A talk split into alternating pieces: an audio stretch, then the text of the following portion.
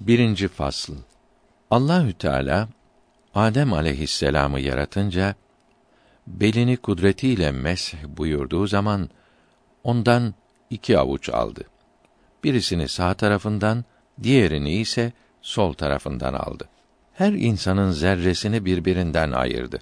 Adem aleyhisselam onlara baktı ki onların zerreler gibi olduğunu gördü.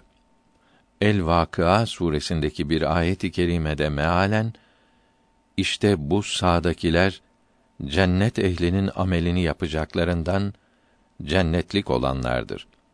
Bana bunların amellerinden bir faide ve zarar yoktur. Bu soldakiler cehennem ehlinin amelini yapacaklarından cehennemlik olanlardır. Bana bunlardan da bir faide ve bir zarar yoktur buyuruldu. Adem aleyhisselam Allahü Teala'ya Ya Rabbi cehennem ehlinin ameli nedir diye sordu. Allahü Teala da bana şirk koşmak ve gönderdiğim peygamberlere inanmamak ve ilahi kitaplarımda peygamberlere verilen kitaplar olan emir ve nehyimi tutmayıp bana isyan etmektir buyurdu. Bunun üzerine Adem aleyhisselam Allahü Teala'ya dua ederek Ya Rabbi bunları kendilerine şahit kıl. Umulur ki cehennem ehli ameli işlemezler dedi. Allahü Teala da nefslerini şahit yapıp ben sizin Rabbiniz değil miyim buyurdu. Hepsi Rabbimizsin. Biz şehadet eyledik dediler. Allahü Teala melekleri ve Adem'i aleyhisselam da şahit tuttu ki onlar Allahü Teala'nın rububiyetini ikrar ettiler.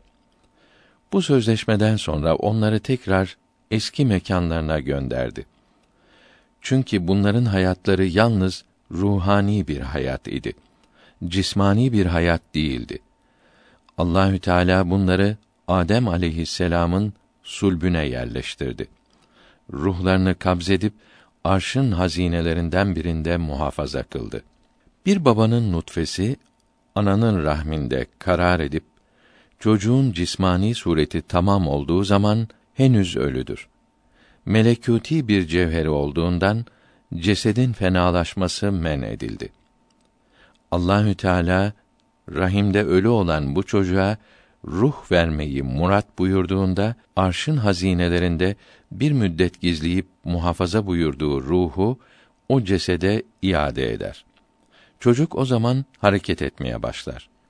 Çok çocuk vardır ki anne karnında hareket eder. Validesi bazen işitir, bazen işitmez. Allahü Teala'nın ruhlara ben sizin Rabbiniz değil miyim diye sorduğu misaktan, sözleşmeden sonraki ölüm yani ruhunu arşın hazinelerine göndermesi birinci ölüm ve şimdiki ana karnındaki hayat ikinci hayattır.